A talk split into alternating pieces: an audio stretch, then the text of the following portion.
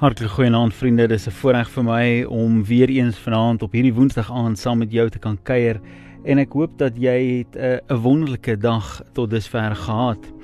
Uh baie dankie ook aan Jerome Topley wat vir my instaan vanaand. My naam is Ryan Kotse en uh, hierdie is die insetsel wat ons elke Woensdag aand noem Nuwe Hoogtes waar ek en jy stil raak rondom die woord van die Here, waar ons sy aangesig soek en hom verklaar in ons lewe as ons verlosser en ons saligmaker.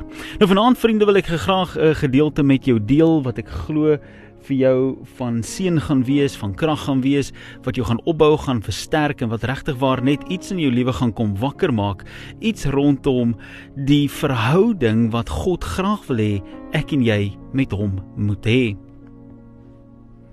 Nou jy sien ons almal kweek verskillende verhoudings met God. Ons almal het hierdie anderste manier om na God toe te relate. En God gee vir my en vir jou die vermoë om werklik waar so diep in te duik in sy liefde in en sy genade in soos wat ek en jy graag wil. Ek en jy maak die keuse hoe baie ons van God wil hê in ons lewe of hoe min ons van God in ons lewens wil hê. Nou sy hartsbegeerte is altyd dat jy hom teen volle moet ervaar en beleef en en deel raak van sy koninkryk. Hy wil dit verseker hê, maar hy gaan jou nooit forceer om meer tyd saam met hom te spandeer, meer sy aangesig te soek nie. Hy gaan dit nie doen nie. Hy los dit vir my en jou in ons eie hande en sê wanneer hierdie verhouding in liefde geskied, moet jy die keuse kan maak hoe daai verhouding lyk. Nou die storie wat ek met vanaand met jou wil deel, kom uit die boek van Lukas uit. Nou in die laaste tyd het ek baie uit die boek van Lukas uit bedien en het ek met baie mense al gepraat uit die boek van Lukas uit en ek is seker as jy vir 'n geruime tyd al na my geluister het hier op Radio Tygerberg dan sou jy verseker al gehoor het van die die feit dat ek praat uit Lukas en uh, ek het hierdie Sondag wat afskop het ek 'n nuwe reeks wat ek juis oor Lukas 15 wil preek oor die volgende 3 weke ehm um, juis oor daai gedeelte. Maar bietjie vroeër in die boek van Lukas is daar in Lukas 10 en hier het hy ehm um, stil geraak by twee vriende. Hy het by twee van sy vriende aan huis gegaan. Nou, ons weet hulle was vriende want hulle word 'n paar keer in die Bybel word hulle beskryf en hulle het ook is dit een van die enigste tye wat Jesus emosioneel raak oor iemand en dit is oor hierdie twee Martha Maria se broer Lazarus en ons lees dit wanneer Lazarus dood is en Jesus kom om hom op te wek toe sê hulle and Jesus wept hy het treur oor Lazarus. So hierdie familie het werklik waar 'n 'n noue band met Jesus gehad. Hulle was lief vir hom gewees en hy was lief vir hulle gewees en hy het 'n diepe verstaan en 'n liefde vir hulle gehad. Maar ons stel die storie op hier in Lukas 10 waar Jesus stil staan vir 'n oomblik by Martha en Maria se huis. En ek gaan 'n stukkie vir jou lees. Dit kom uit Lukas 10 uit vers 38. Ek lees hom vir jou gewoon soos gewoonlik uit die Engelse Bybel uit. Hy sê vir ons in verse 38, "And Jesus and his disciples were on their way. He came to a village where a woman named Martha opened her home to him." She and a sister called Mary, who sat at the Lord's feet listening to what he had to say. But Martha was distracted by all the preparations she had made. She came to him and asked, He said, Lord, don't you care that my sister has left me to do all the work by myself? Tell her to help me. Is dit nie interessant dat ons baie keer in hierdie lewe so besig kan raak met die dinge van die Here? Dat ons kyk na ander plekke en ander organisasies en ander bedieninge en ander kerkleiers en ander geestelike leiers en ons sê Here kyk hierso. Hulle beleef die guns. Hulle beleef die seën. Hulle beleef die genade. Hulle beleef die oorvloed. En kyk vir my. Ek werk myself oor 'n mik Here en waar is my guns? Here waar is my genade? Here waar is my deurbraak? Waar is my voorsiening? Here waar is my hemelse prys? Waar is dit? Dis maar wat Martha Maria ook gevra het.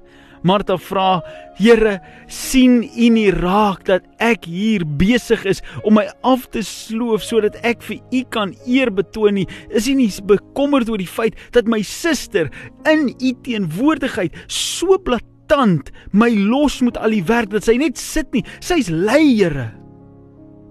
Nou steek 'n bietjie jou hand op as jy al ooit gevoel het dat jy werk harder as enigiemand anderste en jy kry nie deurbraak nie.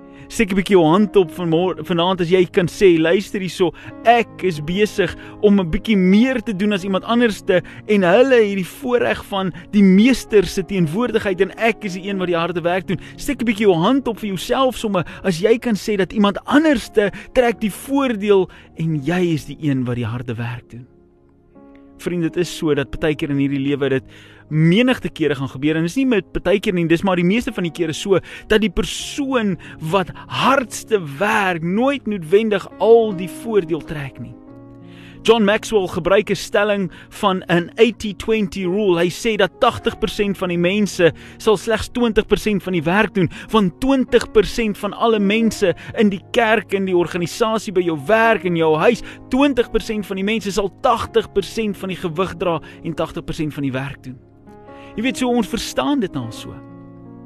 En hier sit 'n Martha, sy sit met 'n begeerte om te sê Here, ek wil ook by u voete kom sit. Ek wil ook hoor wat u het om te sê. Here, ek sien hier's 'n geleentheid wat ek het om by u te kom wees. Maar Here, ek kan nie net laat u in my huis inkom en my huis is nie mekaar nie. Ek kan nie laat u kom sit net en maar as u kos nie. Here, ek kan nie net laat u inkom en daar's nie voorsiening vir u gemaak nie. So die taak is nou meer belangrik as u die taak om u te bedien en om 'n goeie prentjie voor te hou en om te kom bederf en te kom neersit by u voete, 'n offer te kom gee van een of ander soort is nou belangrik, Here, van wat help dit ek kom sit en ek kom luister, maar daar's nie vanaand 'n plek vir u om te slaap nie.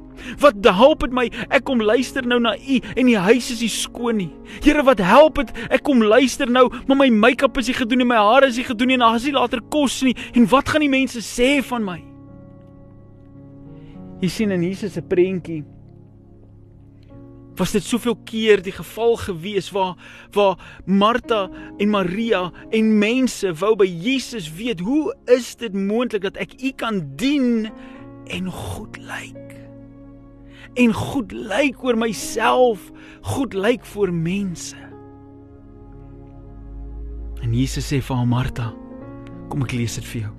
Hy sê Martha Martha the lord answered You are worried and upset about many things, but few things are needed. Only indeed one. Mary has chosen what is better, and it will not be taken away from her. Hier sê Jesus dat Martha, jy's heeltemal reg, daar is goeders wat gedoen moet word, daar is besluite wat gemaak moet word, daar is reëlings wat getref moet word, maar hier is een ding meer belangrik. Ek is hier vir 'n tydjie. Ek is hier vir 'n oomblik en die opinie wat mense gaan hê is dalk 'n opinie wat hulle gaan vorm en hulle gaan dit hou en dis hulle saak. Maar is hulle opinie oor jou vir jou groter van waarde meer belangrik as wat dit is om tyd saam met my te spandeer? Nou Martha, jy doen nie dinge verkeerd nie. Die feit dat jy diligent is en hard werk en die plek reg kry en skoon kry en mooi kry en jy wil 'n goeie huisvrou en 'n gasvrou en alles wees, jy wil gryf in jou werk, there's nothing wrong with it. Maar sien raak.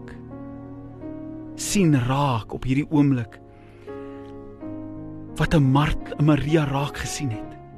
Sy sien raak dat hier is 'n man wat die wêreld gaan verander en sy het nodig om te hoor want hy gaan dalk nie vir altyd hier wees nie en sy wil nou indrink soveel soos wat sy kan.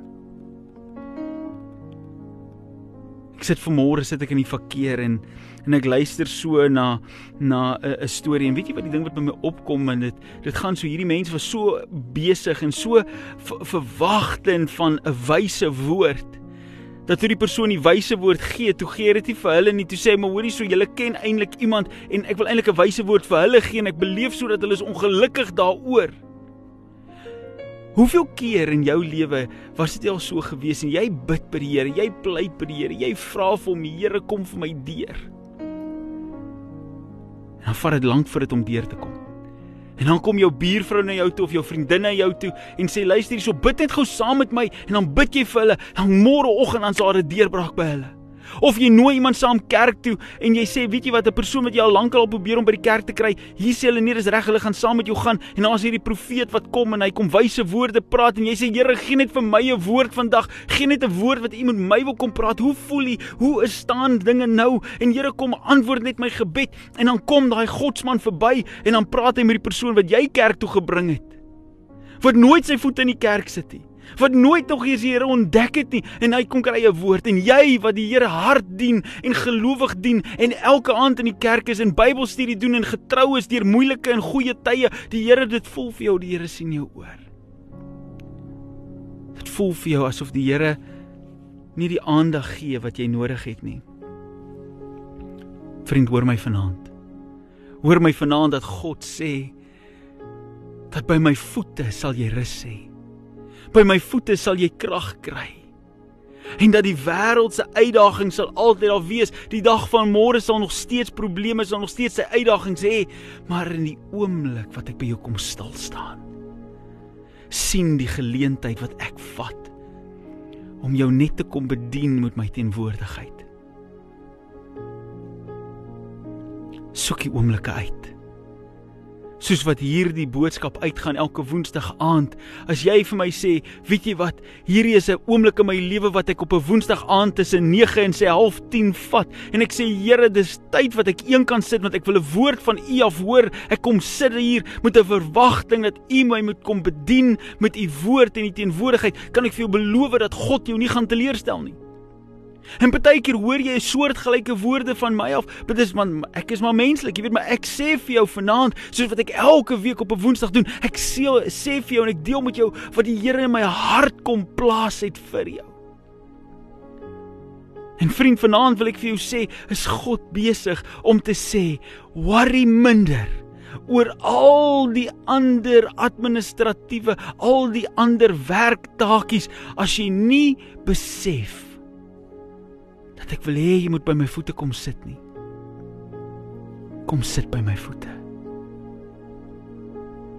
Kom sit hier by my voete. Kom raak rustig. En kom pak af by my. Kom los daai begeertes, daai bekommernisse, daai hartseer, daai teleurstelling, daai angstigheid kom los dit hier by my voete. Want hier by my is daar vir jou rus. Hier by my is daar vir jou lewe. Hier by my is vir jou deurbraak. Hier by my het ek vir jou geleentheid om verder te gaan, meer te sien, hoër te kan strek. Want ek het vir jou die geleentheid. Goedheid en guns sal jou najag al die dae van jou lewe. Vriend, vanaand is dit moeilik. Maar dit gaan so teen alles wat jy groot gemaak is mee. Van jy moet die Here hard dien.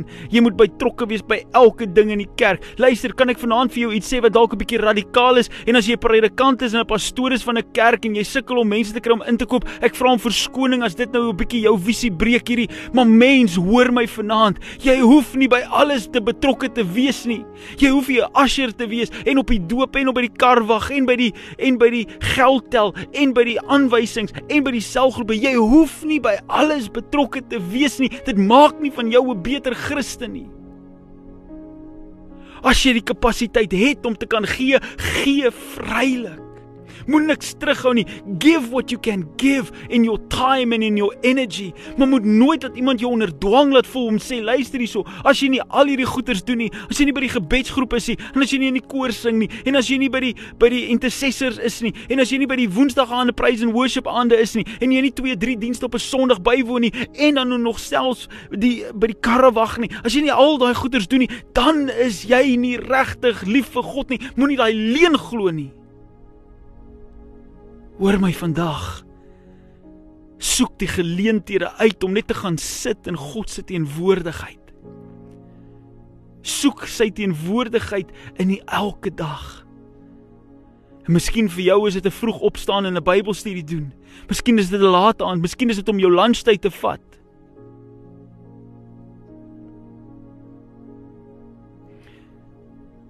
Ek het al 'n paar keer, nie 'n paar keer nie, een of twee keer Jy kry jy kry by die lughawe, dan kry jy hierdie hierdie prayer rooms wat hulle opsit vir die ander gelowe en so. Dit's baie selde vir die Christene as ek 'n gebedskamers. Partykeer het ek al net so beleef dat ek net moet gaan bid. Ek gaan stil wees. Dan gaan ek daarin. Want ek weet dis iets wat die Here nou in my lewe wil kom doen. Net om 'n bietjie te worship. Net om 'n bietjie te praat. Vriend, vanaand het jy 'n kans om dalk net vir 'n oomblik by die voete van Jesus te gaan sit. Gaan sit daar. En laat hom toe om vanaand net oor jou lewe te kom spreek. Sy wysheid, sy insig, sy genade en sy liefde. Laat hom toe om jou weer 'n keer te kom vul. Gaan vir jou hierdie liedjie speel vanaand van Juanita Du Plessis wat sê by die voete van Jesus.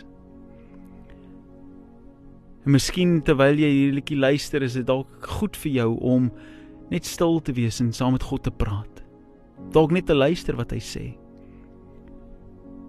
Maar as jy beleef vanaand die Here nooi jou om te kom sit by sy voete.